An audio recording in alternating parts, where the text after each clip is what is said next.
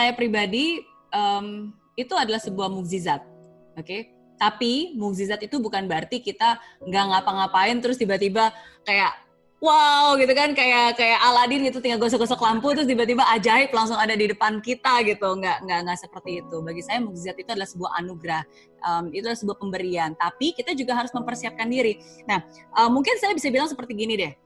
Um, kan kita sering kali ya sebagai orang kita selalu berpikir bahwa ah nggak mungkin uh, saya harus ngeliat dulu baru saya percaya mana buktinya ya kan? Saya harus tahu dulu jalannya gitu. Baru saya bisa percaya ini mungkin.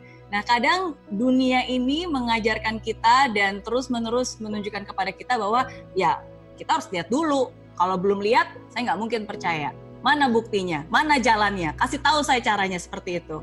Nah tapi saya bersyukur karena dari sejak kecil di hidup saya uh, saya selalu diajarkan juga bahwa sebagai orang yang beriman bukan kita melihat dulu baru percaya, tapi justru kita harus percaya dulu, baru kita akan melihat. Kita harus yakin dulu, baru kita akan melihat. Dan dan itulah yang terus-menerus mukjizat yang saya bilang mukjizat yang terjadi dalam hidup saya karena saya percaya uh, dan akhirnya saya bisa melihat satu demi satu keajaiban itu, sukses itu, ya uh, anugerah itu mulai ada dan terus ada di dalam hidup saya. Uh, mungkin cerita sedikit ya, mungkin banyak orang taunya, wah Mary Riana, saya ingatnya si wanita sejuta dolar gitu kan. Bersyukur dapat satu juta dolar di usia 26 tahun. Dan banyak orang mungkin awalnya berpikir, apalagi ketika mereka tahu um, saya uh, adalah orang Indonesia yang uh, berhasil di Singapura ya.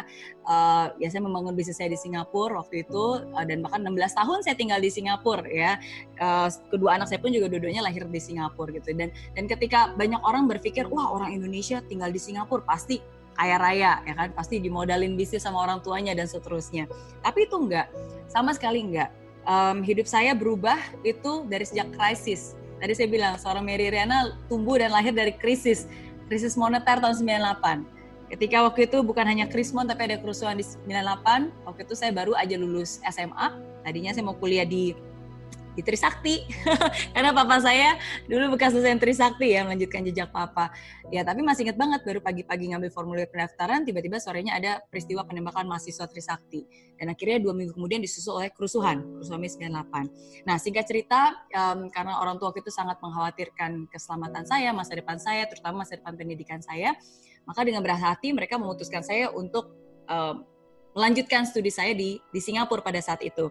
Dan um, itu pun juga bersyukur karena ketika situasi yang tidak kondusif di Indonesia, pemerintah Singapura mengulurkan bantuan kepada beberapa pelajar di di Jakarta, ya. Nah, akhirnya saya bisa kuliah di Singapura um, bukan karena punya uang kaya raya ya, tapi karena kesempatan yang pemerintah Singapura berikan dan akhirnya keluarga saya pun juga harus ngutang sana sini untuk melanjutkan pendidikan itu. Uh, hidup sendiri jauh dari orang tua. Um, dengan situasi yang unpredictable, nggak tahu akan terjadi seperti apa. Tapi again, saya ingat, saya harus percaya dulu, baru saya akan melihat. Pada saat itu saya nggak tahu gitu apa yang akan terjadi dalam hidup saya. Saya nggak tahu gimana saya bisa benar-benar bertahan hidup sendiri. Saya nggak tahu bagaimana saya bisa memiliki wisdom untuk keluar dari permasalahan ini. Saya nggak tahu gimana caranya. Tapi saya ingat mama selalu bilang, arahkanlah pandanganmu pada Tuhan dan Dia akan memberikan kamu jalan tidak semuanya sekaligus, tapi langkah demi langkah. Dan setiap langkah adalah mukjizat. Itu Setiap langkah yang kita ambil itu adalah mukjizat yang membawa kita menuju mukjizat yang jauh lebih besar lagi.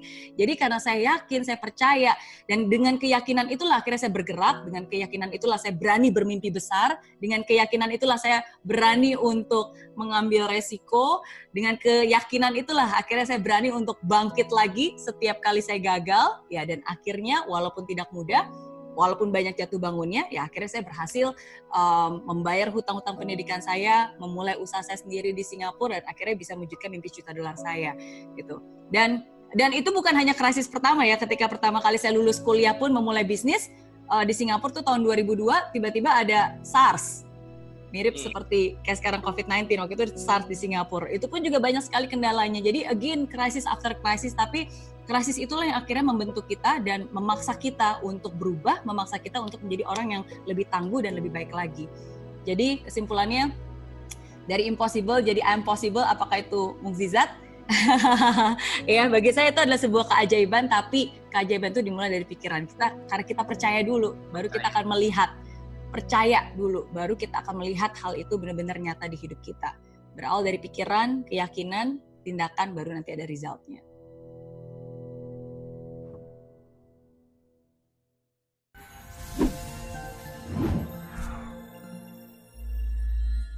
Di aplikasi Mary Riana tersedia lengkap video-video YouTube terbaru saya, artikel yang up to date, post inspirasi, koleksi merchandise, workshop dan seminar yang bisa kamu dapatkan free dan download sekarang juga gratis.